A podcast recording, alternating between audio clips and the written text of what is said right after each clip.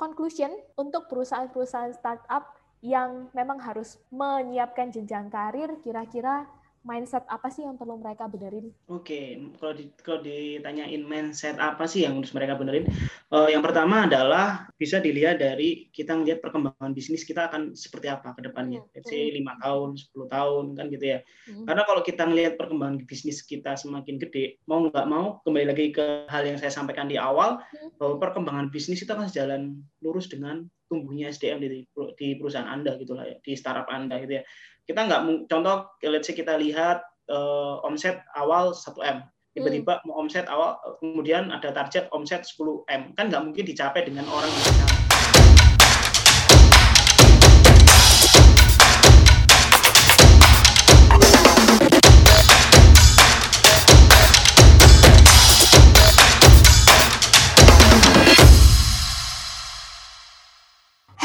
welcome back to Curhat HRD. Halo teman semua, teman-teman semua podcast yang lagi dengerin podcast Curhat HRD ini semua apa kabar?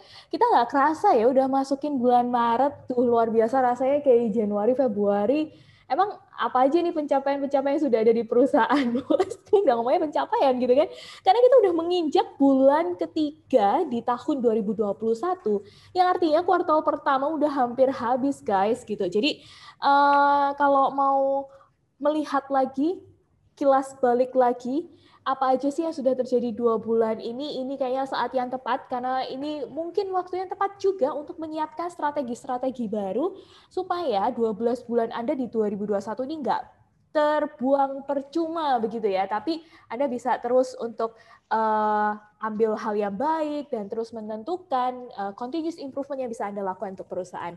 Anyway, hari ini di podcast Curhat HRD, sama seperti di podcast-podcast Curhat HRD lainnya, kita akan selalu ketemu lagi dengan teman-teman, dengerin curhatannya teman-teman, dan kita di sini akan membahasnya bersama dengan Human Capital Expert dari Sinergia Consultant. Yang mana di sini semuanya adalah praktisi yang mendampingi klien-kliennya Sinergia di lapangan langsung, mendampingi pembuatan sistem wah human capital di perusahaan-perusahaan. Jadi pastinya hari ini saya nggak sendirian dong. Saya pasti ditemani oleh seseorang nih.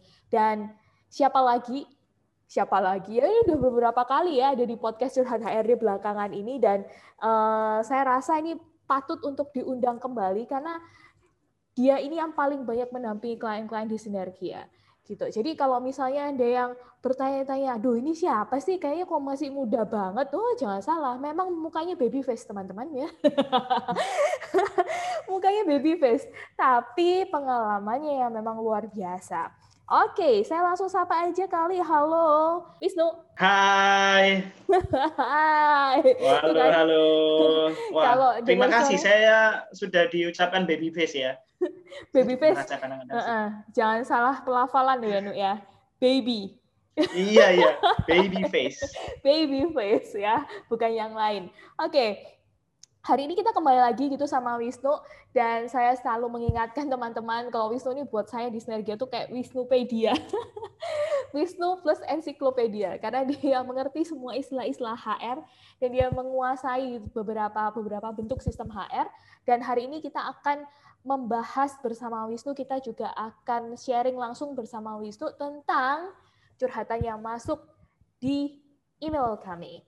Nah, Uh, tapi ngomong-ngomong sebelum kita masuk ke proses atau ke pertanyaannya nih dari yang masuk ke email, by the way dalam akhir-akhir ini no gitu kan kita di bulan Maret memang topiknya akan secara khusus bahas tentang career track, betul? Betul ya? Betul sekali. Nah, tentang career track.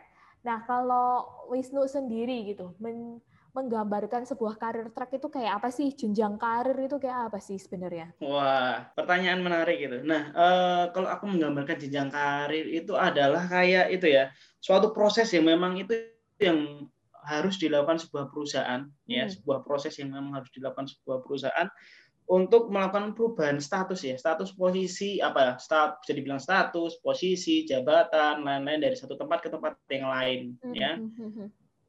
Tapi perubahan posisi itu kalau kalau teman-teman yang promosi, ada demosi, ada mutasi kan gitu ya. Hmm. Nah, itu, itu itu perubahan posisi yang terjadi di jenjang karir ya. Jenjang karir itu macam-macam sih prinsipnya. Hmm. Terkadang gini, ada orang yang mengartikan jenjang karir itu hanya promosi enggak belum tentu loh ya belum tentu hmm. terkadang HR pindah ke ya departemen sales maybe dia hmm. mendapatkan pembelajaran baru di sana gitu hmm. siapa tahu passionnya di sana dan malah karirnya bisa meningkat di sana dia nggak tahu gitu ya. mungkin waktu di HR itu dia ya sorry kalau dibilang uh, knowledge check gitu gitu ya. Tidak ada perkembangan. Tapi tiba-tiba waktu ada uh, pergeseran atau dimutasi ke departemen lain dia malah melejit karirnya. Nah itu adalah salah satu cara untuk meningkatkan jenjang karir sebuah karyawan ya. Okay. kita tahu dulu nih uh, proses apa yang mau kita berikan ke karyawan gitu. Okay. Wah ini jadi sesuatu hal yang baru buat saya ini teman-teman podcast curhat HRD bahwa sebenarnya eh, ngomongin jenjang karir itu tidak hanya soal kenaikan jabatan kalau tadi Wisnu bilang, tapi ada ada hal lain yang tidak hanya kenaikan jabatan. Ya mungkin nanti kita akan bahas lebih dalam setelah uh, saya lemparkan pertanyaan yang ada di email tadi itu Uh, tapi kalau misalnya Wisnu melihat sendiri jenjang karir tuh kalau buat dirimu nih Nuk gitu penting nggak sih? Loh, wah kalau dibilang buat saya ya penting ya, penting karena apa ya? Uh, maybe saya bisa dibilang masih milenial ya dan hmm. orang milenial sekarang tuh tipikalnya adalah prinsipnya keba kebanyakan ya kebanyakan hmm. besar yang saya ketahui adalah dia tidak uh, terkadang tidak melihat seberapa besar gaji yang dia hmm. dapat ya terkadang terkadang ya. Uh, terus kemudian yang dia adalah passion ya, passionnya hmm. di sana.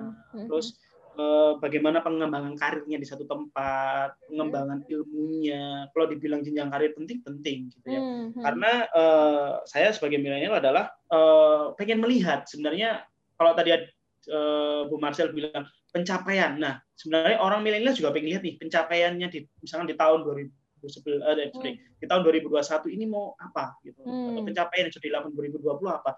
Nah, hmm. terkadang kayak saya juga mengukur diri saya sendiri mungkin selanjutnya apa sih yang sudah aku capai tahun 2020 apa sih yang aku capai tahun 2021 nah terkadang milenial itu mengukur saat dia tidak bisa mendapatkan hmm. pencapaiannya itu. Nah biasa orang-orang lihat kan milenial itu lompat lihat-lihat ya tapi sebenarnya kalau si tempatnya dia sekarang itu masih bisa apa ya menjembatani apa yang disebut ekspektasinya dia dia akan stay kok. Tapi biasanya hmm. mereka melompat itu ya karena ada ekspektasi atau ada tujuan yang mereka ingin capai tapi di satu tempat ini belum bisa makanya hmm.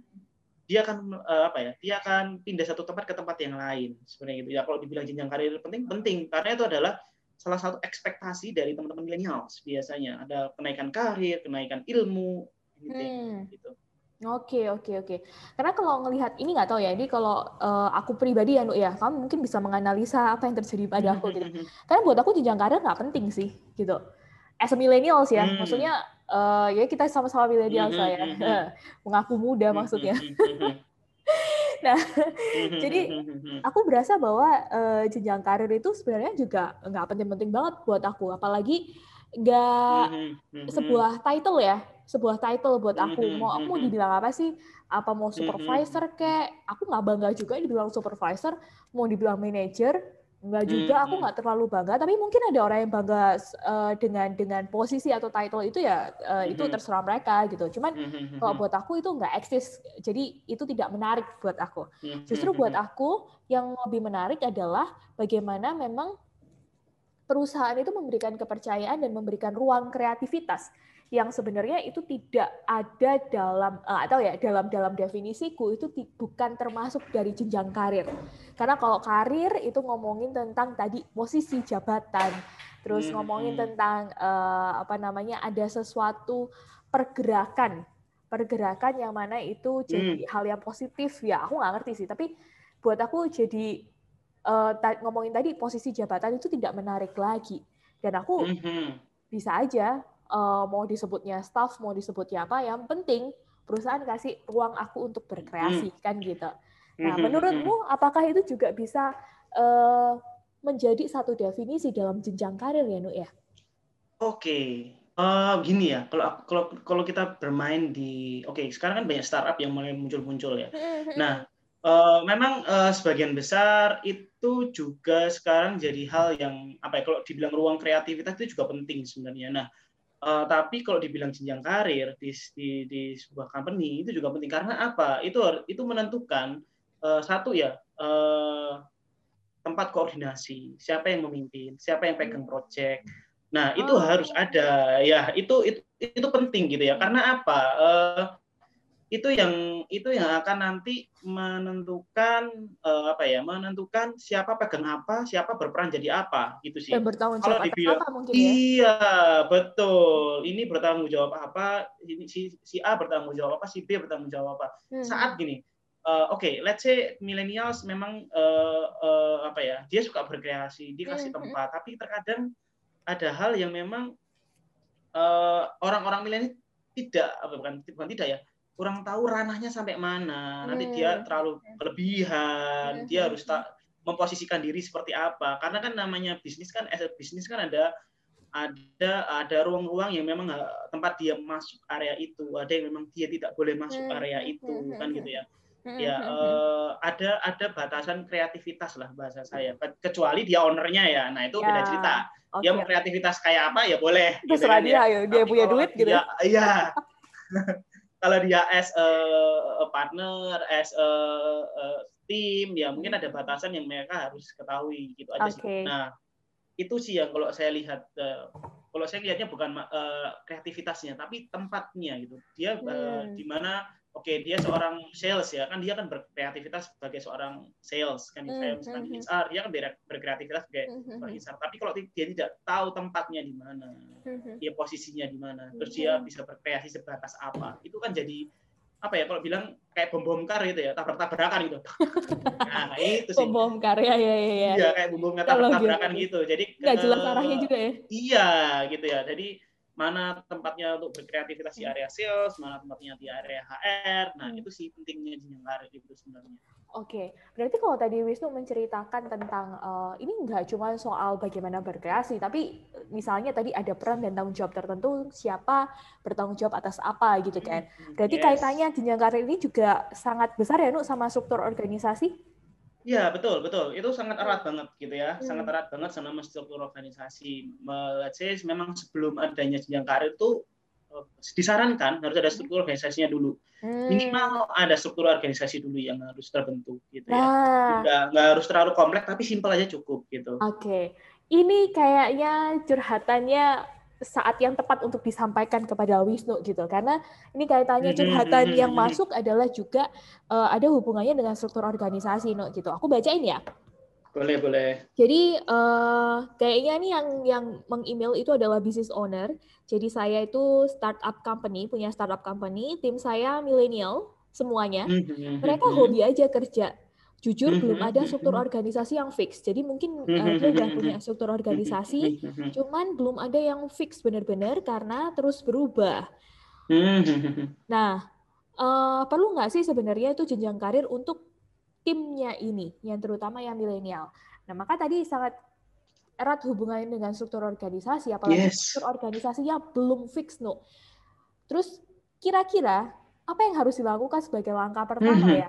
Atau jawabannya atau pertanyaannya tadi itu yang uh, perlu dijawab terlebih dahulu perlu nggak sih jenjang karir untuk timnya mereka itu? Kalau aku dibilang perlu perlu ya karena gini uh, kalau saya melihat adalah perkembangan bisnis itu harusnya sejalan sejajar sama pengembangan uh, sama perkembangan SDM yang mau jumlah hmm. mau kompetensi mau apa pun okay, okay. itu itu itu perlu. Kalau saya bilang perlu perlu. Nah, startingnya adalah tadi membuat struktur organisasi ringan let's, let's say ya. Hmm. Kalau kita dibilang bisnis ya uh, startup mau apa pun ya kayak Gojek apa dan lain sebagainya yang sekarang lagi booming kan. Nah, mhm. minimal kan mereka ada proses bisnis ya. Dari proses bisnis itu kan kayak ada salesnya, ada bagian mhm. gudang. Nah, itu mulai-mulai kecil-kecil lah dibikin. Siapa jadi kepala gudang, siapa yang bertanggung jawab di gudang, siapa yang bertanggung jawab di mhm. sales, siapa bertanggung jawab di SDM. Itu minimal harus ada itu dulu. Karena apa? Kembali lagi kalau tadi ya. Kalau nggak ada ruang ruang-ruang apa ya kayak kamar-kamarnya untuk siapa yang menjabat jadi uh, bertanggung jawab di sini bertanggung jawab. Pertanyaan cuma satu sih. Misalkan di dalam satu HRD itu ada lima orang tiba-tiba ada project, project itu dilempar gitu ya, dilempar terus uh, A B C gitu ya, terus tidak ada yang mau bertanggung jawab, nggak ada yang hmm. mengkoordinasi, nggak ada yang menjalankan, gitu. itu kan jadi uh, mau nggak mau malah uh, yang punya bisnis itu yang akan terjun langsung untuk oh, mengkontrol betul. gitu, ya kan? Jadi jadi dia yang terjun langsung, jadi hmm.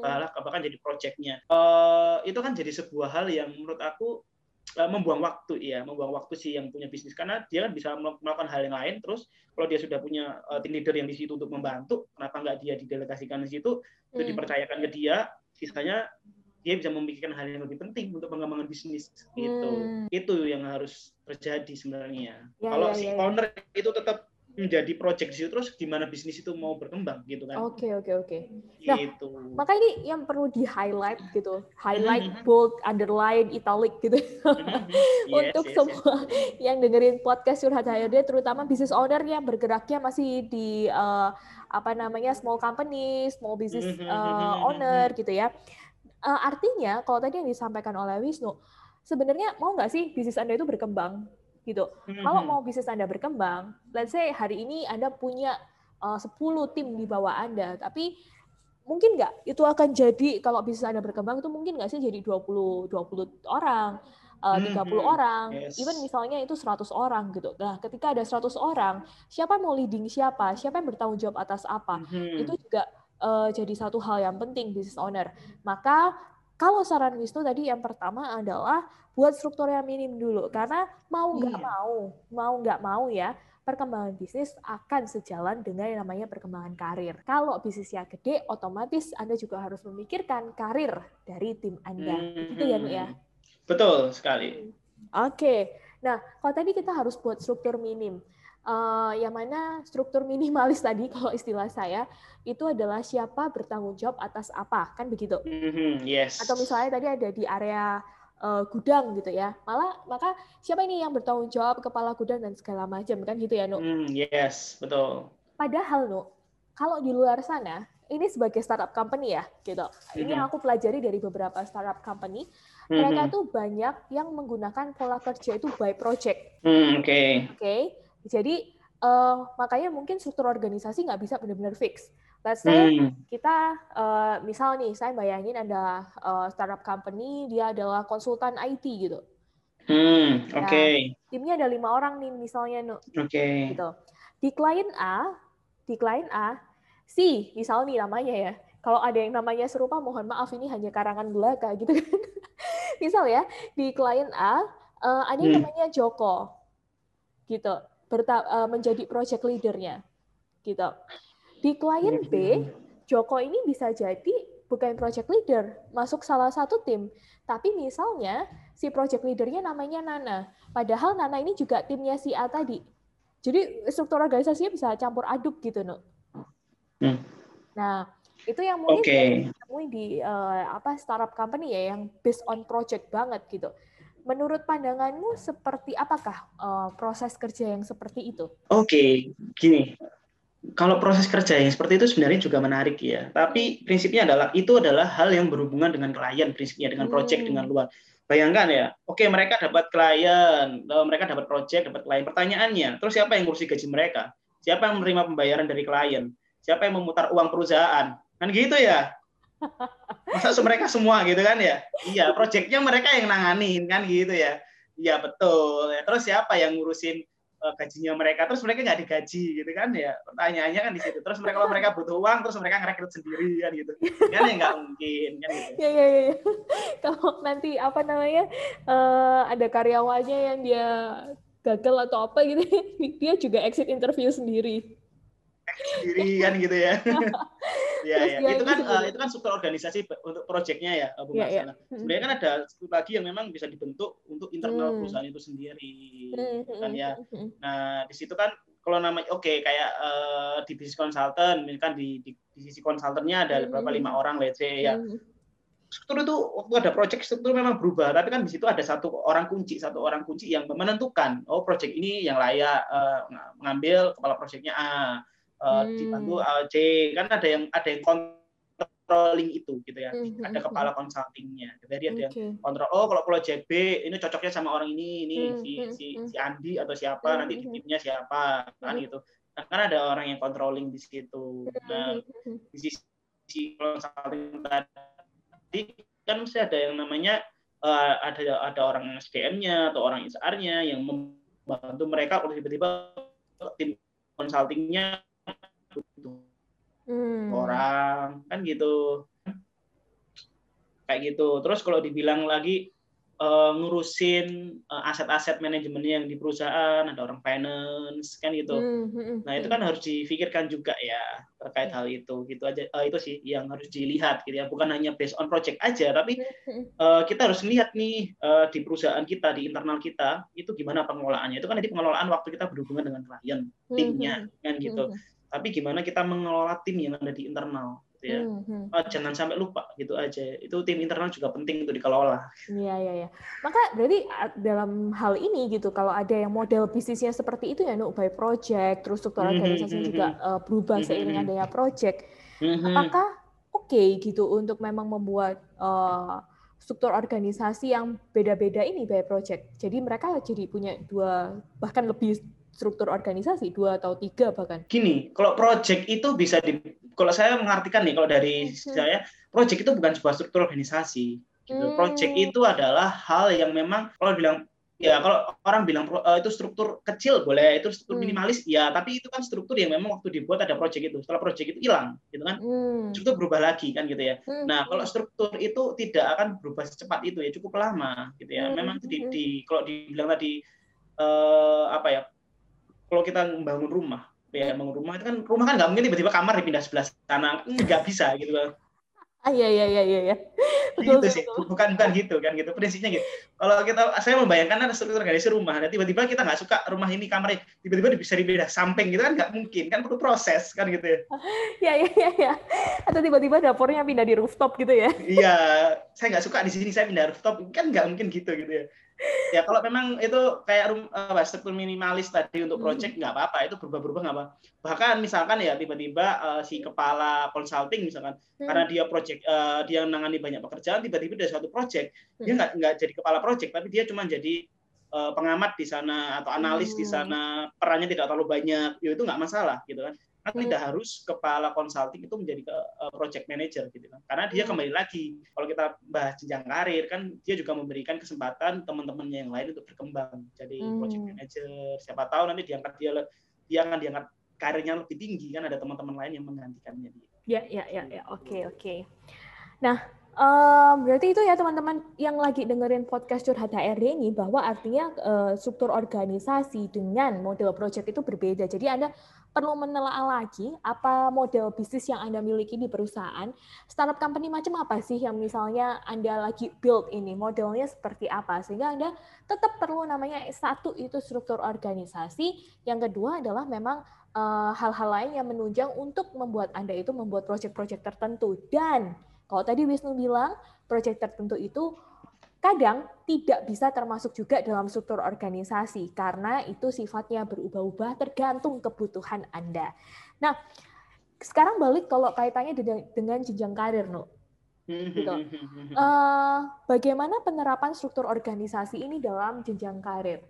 Oke, okay. uh, eh, bagaimana penerapan struktur organisasi ini di jenjang karir? Sebenarnya kalau kita berbicara jenjang karir ya, uh, bukan hanya struktur yang akan bermain di sana gitu ya karena ada hmm. mesti ada namanya kompetensi ada namanya job desk ada namanya kompensasi benefit hmm. itu kan bermain di situ ya nah uh, kalau dibilang gimana cara bermainnya ya kita akan mengkolaborasikan itu semua ya mengkalo, uh, mengkolaborasikan kita bikin sebuah skema jenjang karir contoh hmm. uh, kalau di kami kan biasanya terkenal dengan empat empat uh, empat, empat jenjang ya kayak uh, ada eksekutif, manajer, uh, supervisor, staff. Nah hmm. uh, kalau di eksekutif itu biasanya ada komisaris, ada director, ada GM. Kalau di manajer ada senior manager, junior, kabak, uh, kemudian head office apa pun ya hmm. uh, istilahnya boleh nanti di perusahaan teman-teman. Terus kemudian kalau di supervisor juga ada junior, senior, terus ada yang kapten, ada hmm. yang koordinator silakan dan staff ada staff senior, staff junior. Nah,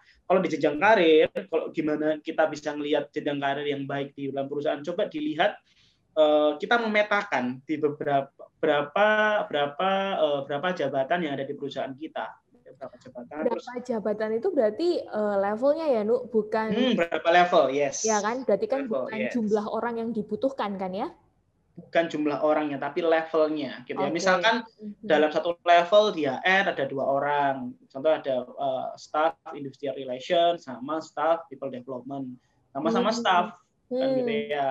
Nah, itu nanti kita bikin skema atau spesifikasinya untuk naik ke supervisor apa yang dibutuhkan si staff ini untuk bisa naik ke supervisor kan gitu hmm, hmm, hmm, kriterianya kan gitu ya kita buat kriterianya itu atau bahkan ada yang perusahaan-perusahaan sudah bikin yang sudah bagus namanya karir journey gitu hmm, menarik gitu nah okay.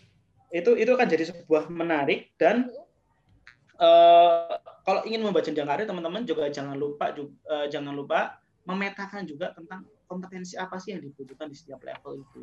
Memetakan itu kompetensi ya. yang dibutuhkan di setiap level. Ya, okay. Betul, itu penting karena itu adalah mungkin bisa jadi salah satu spesifikasi apabila orang mau jadi staff, menjadi profesor, menjadi uh, manager, itu ada spesifikasi uh, kompetensi apa yang dibutuhkan di situ, gitu pasti oh. akan ada perbedaan kan antara hmm, hmm, uh, kompetensi antara staff, dan supervisor gitu ya.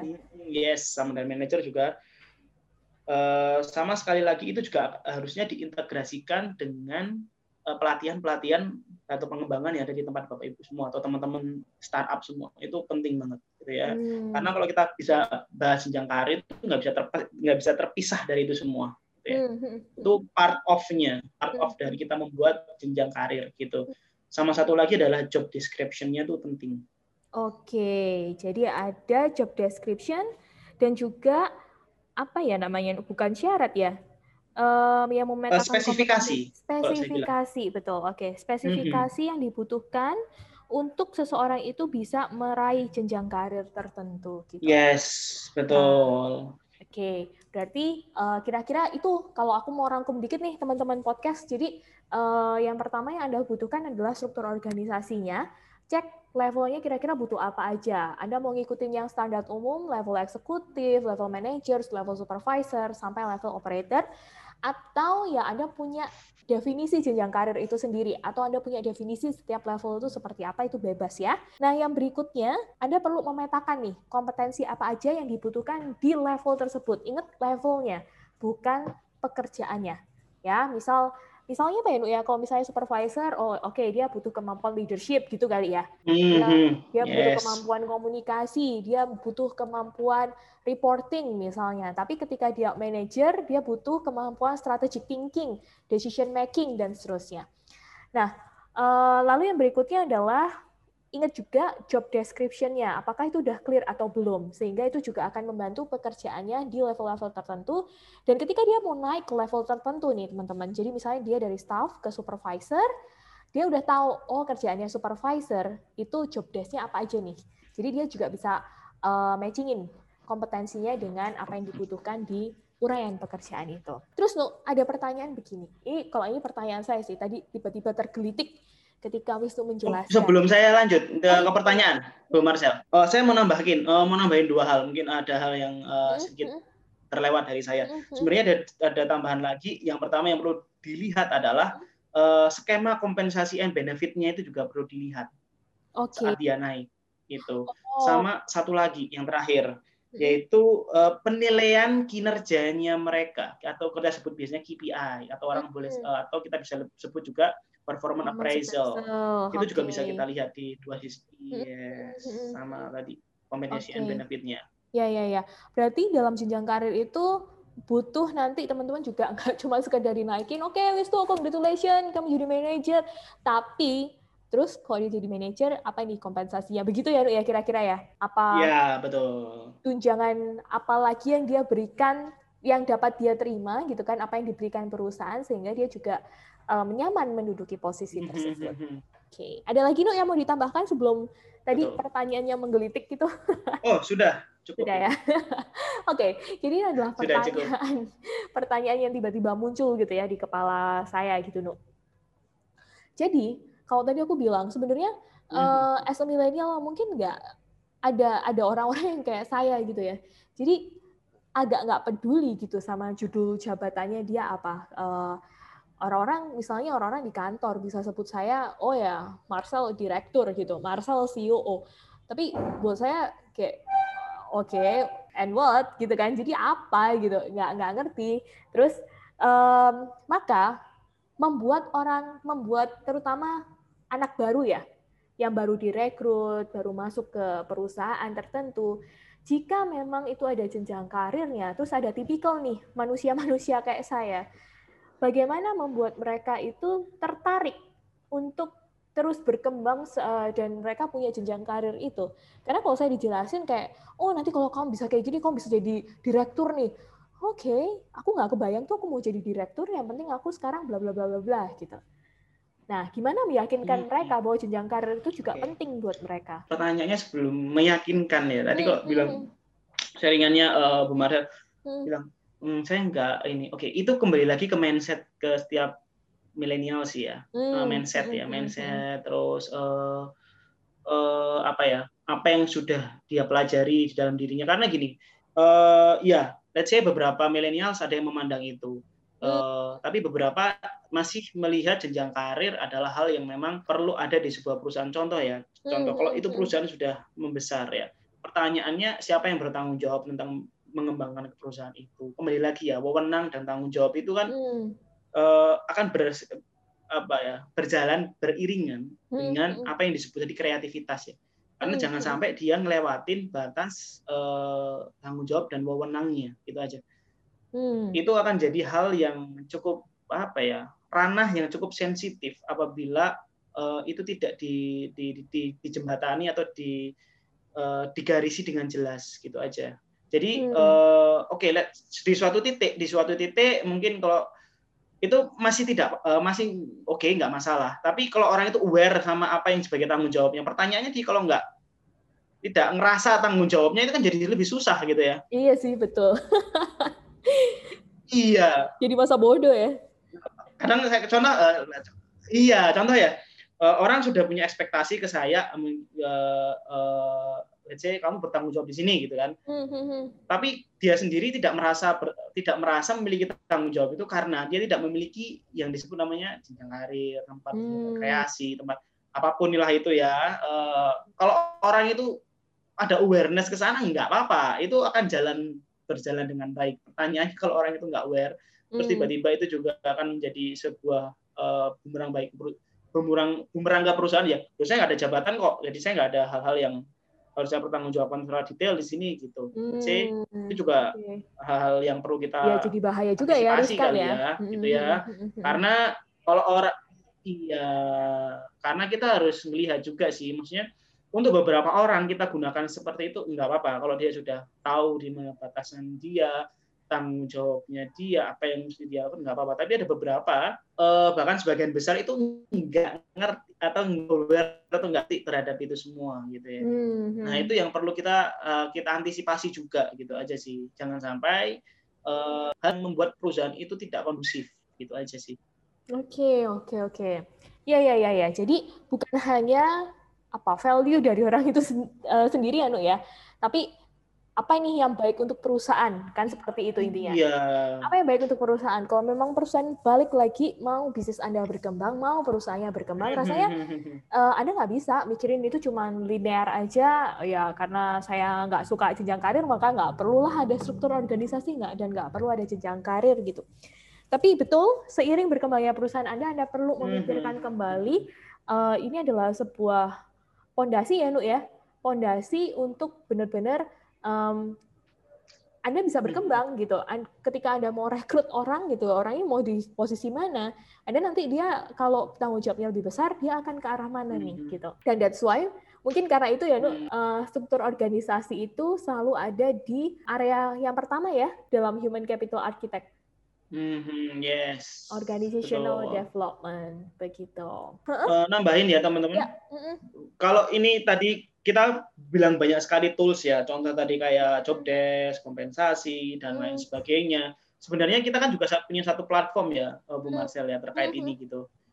Yang memang bisa teman-teman akses dan semua template ada di sana gitu ya. Tinggal akses. Nanti kalau memang membutuhkan konsultasi ya boleh nanti kita konsultasi lebih detail terkait tools itu tapi kalau dari tools itu teman-teman sudah bisa menggunakan silakan itu sangat membantu hmm, hmm, ya. Hmm, hmm, hmm. Jadi jangan khawatir ya berarti ya Wisnu ya buat teman-teman hmm, yang lagi betul. dengerin podcast curhat dari luar sana, aku harus start dari mana sih gitu. Tapi sebenarnya teman-teman di Sinergia Konsultan sudah menyiapkan satu platform khusus uh, yang kita hmm. sebut sebagai HCA Online Mentoring Program. Di mana di HCA Online Mentoring Program ini teman-teman um, HRD, teman-teman business owner, bahkan yang belum punya struktur organisasi, belum punya jenjang karir, bisa ngikutin step by step atau langkah demi langkah yang memang sudah di-sharekan oleh teman-teman Sinergia. Kalau ada bermasalah, kayak aku stuck nggak ngerti, tolong Wisnu gitu. Wisnu akan segera menolong Anda. gitu kan, Nu? Iya, betul sekali. Nah, Nu, cuman aku tergelitik gitu kan, tergelitik lagi. Uh, dengan uh, pertanyaan orang-orang nih, HC Online Mentoring Program atau program membership di Sinergia hmm. Konsultan ini, Oh, gratis ya? Um. ya, teman-teman podcast, ini perlu Anda dengarkan dan Anda perlu garis bawahi bahwa platform HCA Online Mentoring Program, kalau gratis, Sinergia nggak bisa bayar Wisnu, guys. ya nggak sih, Nu? Bener nggak? Jadi, Betul sekali, gitu. jadi, ya namanya, eh, saya percaya lah, maksudnya ilmu, uh, kalau anda bilang ilmu sekarang gratis bisa beli di uh, eh, maksudnya bisa bisa anda akses secara gratis kamu tinggal Google aja kamu bisa dapetin ilmu itu Hai Google juga perlu internet saudara-saudara Iya nggak sih? Yang internet Anda beli gitu. Betul, betul. Nyari yang gratis di dunia ini, even HC Online Mentoring Program ya. Kalau Anda mau programnya gratis karena trial, mau tahu bentuknya apa, Anda juga bisa hubungi tim kami di www.sinergiakonsultan.com slash kontak kami atau langsung aja hubungi CS kami di nomor yang sudah ada tertera di web kami. Ya, Anda bisa mau free, bisa trial boleh. Anda bisa dapatkan trialnya, tapi memang program fullnya Anda hanya dapat Anda bisa dapatkan melalui program membership begitu. Wisnu sebelum kita akhiri gitu ya, karena balik lagi kalau eh, karena mungkin saya suka ngoceh kali ya, Nu ya. Jadi kayaknya 30 menit tuh berasa paling kayaknya kita baru mulai lima menit. Kurang gitu ya. kita baru mulai lima menit. Berasa kurang gitu 30 oh, menit ya. Nah, Wisnu, uh, terakhir gitu, kalau misalnya ini conclusion aja, balik lagi ke hmm. model uh, startup dan gaya kerja milenial hmm. yang memang kayaknya banyak orang milenial di luar sana yang kayak aduh jenjang karir apa sih? gitu, aduh istilah bos apa sih? kayak gitu, jadi males gitu. Maka conclusion untuk perusahaan-perusahaan startup yang memang harus menyiapkan jenjang karir, kira-kira mindset apa sih yang perlu mereka benerin? Oke, okay. kalau di, kalau ditanyain mindset apa sih yang harus mereka benerin, uh, yang pertama adalah bisa dilihat dari kita ngelihat perkembangan bisnis kita akan seperti apa ke depannya. Hmm. Let's say lima tahun, 10 tahun kan gitu ya.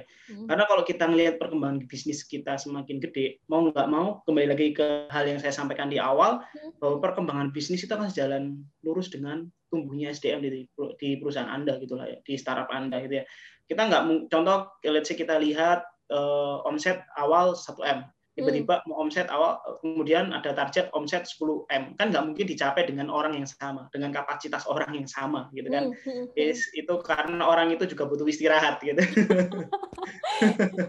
Kecuali dia AI ya. Istirahat pikir di situ ya butuh butuh istirahat. Nah itu yang perlu harus dipikirkan ya. Kalau hmm. memang saya uh, uh, selima tahun lagi mau omset saya 10 m hmm. berapa orang yang akan hadir di di di, di company saya. Terus hmm. kemudian dari berapa company, berapa departemen yang akan saya susun di sini. Karena hmm. berkembang semakin besar perusahaan akan semakin kompleks yang akan diurusin. Hmm. Kan gitu ya. Uh, kalau memang let's say kalau kita masih 10 uh, beberapa hal itu masih bisa dihandle satu hmm. dua orang. Tapi kalau semakin besar, hmm. akan semakin kompleks masalahnya gitu ya. Benar, benar. Karena kan banyak orang yang ada di sana. Nah, hmm. itu yang perlu harus difikirkan gitu ya. Hmm. Karena uh, itu itu hal yang uh, terkadang orang terlewat akan hal itu. Ya, hmm. iya iya kejar kejar kejar. Tapi dia nggak ngelihat fondasinya itu udah kokoh atau belum kalau dia udah punya hmm. mimpi sebesar itu gitulah ya. Oke. Okay. Kalau kalau kita lihat uh, saya bayangkan pohon ya, pohon kan mau tumbuh seberapa rindang daunnya hmm. itu tapi harus dilihat juga seberapa kuat akarnya kan gitu ya hmm. kalau enggak dia semakin besar akarnya kuat jatuh. Iya, gitu. iya, iya, iya, iya. Oke, oke, oke. Gitu. Thank you so much, ya. Wisnu. Ya. Kalau dari aku sih take away-nya uh, sama ya yang diungkapkan Wisnu tadi, bahwa saya diingatkan kembali oleh Wisnu sebenarnya ngomongin tentang struktur organisasi dan jenjang karir itu adalah hal yang basic, hal yang uh, benar-benar menjadi sebuah pondasi perusahaan seharusnya kalau bisnis Anda mau berkembang. Kalau bisnisnya hmm. mau sosok aja, nggak usah dipikirin guys, ya tinggal aja itu struktur organisasi. Tapi kalau anda punya mimpi tahun depan nambah omset, tahun depan buka outlet baru, anda perlu mikirin yang namanya struktur organisasi dan jenjang karir. Nah, Uh, jangan khawatir cara membuatnya bagaimana, struktur organisasi, jenjang karir, apa yang harus dipersiapkan. Seperti yang sudah disampaikan Wisnu tadi, bahwa semuanya bisa Anda dapatkan dalam satu platform, yaitu HCA Online Mentoring Program. Even kalau Anda kesulitan, Anda tinggal masuk ke Telegram Group, di situ ada Human Capital Expert kami, dan Anda bisa menanyakan di sana terkait dengan permasalahan Anda, otomatis Human Capital Expert kami akan membantu Anda menjawab pertanyaan-pertanyaan yang muncul atau curhat-curhat yang muncul. Dan saya mengundang juga ini Nu teman-teman yang juga kalau gitu ya uh, ngomongin soal karir, ngomongin oh. soal ya tadi ya membangun jenjang karir di perusahaan atau ternyata apa level manajernya tidak so value sehingga kok karirnya bagus tapi attitude-nya nggak oke okay, dan seterusnya. Yuk curhat aja di DM kami IG kami at sinergia underscore konsultan, atau bisa juga Anda email di kami di info at sinergiakonsultan.com. Karena di sana nanti curhatan Anda akan kami pilih dan akan kami bahas di podcast Curhat HRD atau melalui media pembelajaran yang lainnya. Jadi, saya berterima kasih hari ini buat Wisnu yang sudah menemani saya podcastan. podcastan bahasa apa coba? sudah menemani saya diskusi bersama membahas curhatan yang masuk. Thank you ya, Nu. Terima kasih. Ya, sama-sama, Cece. Ya, semoga di sana juga aman-aman aja. Alhamdulillah aman. Tapi sering hujan di sini tadi pagi ah. hujan deras banget juga. Ah, oke okay, oke okay, oke okay. ya, tetap aman lah ya. Semoga di situ juga baik-baik semua, aman nyaman untuk bekerja dan untuk teman-teman yang mendengarkan podcast Curhat HRD ini semuanya stay safe, stay productive and keep your energy to sell. Bye. Bye bye semuanya.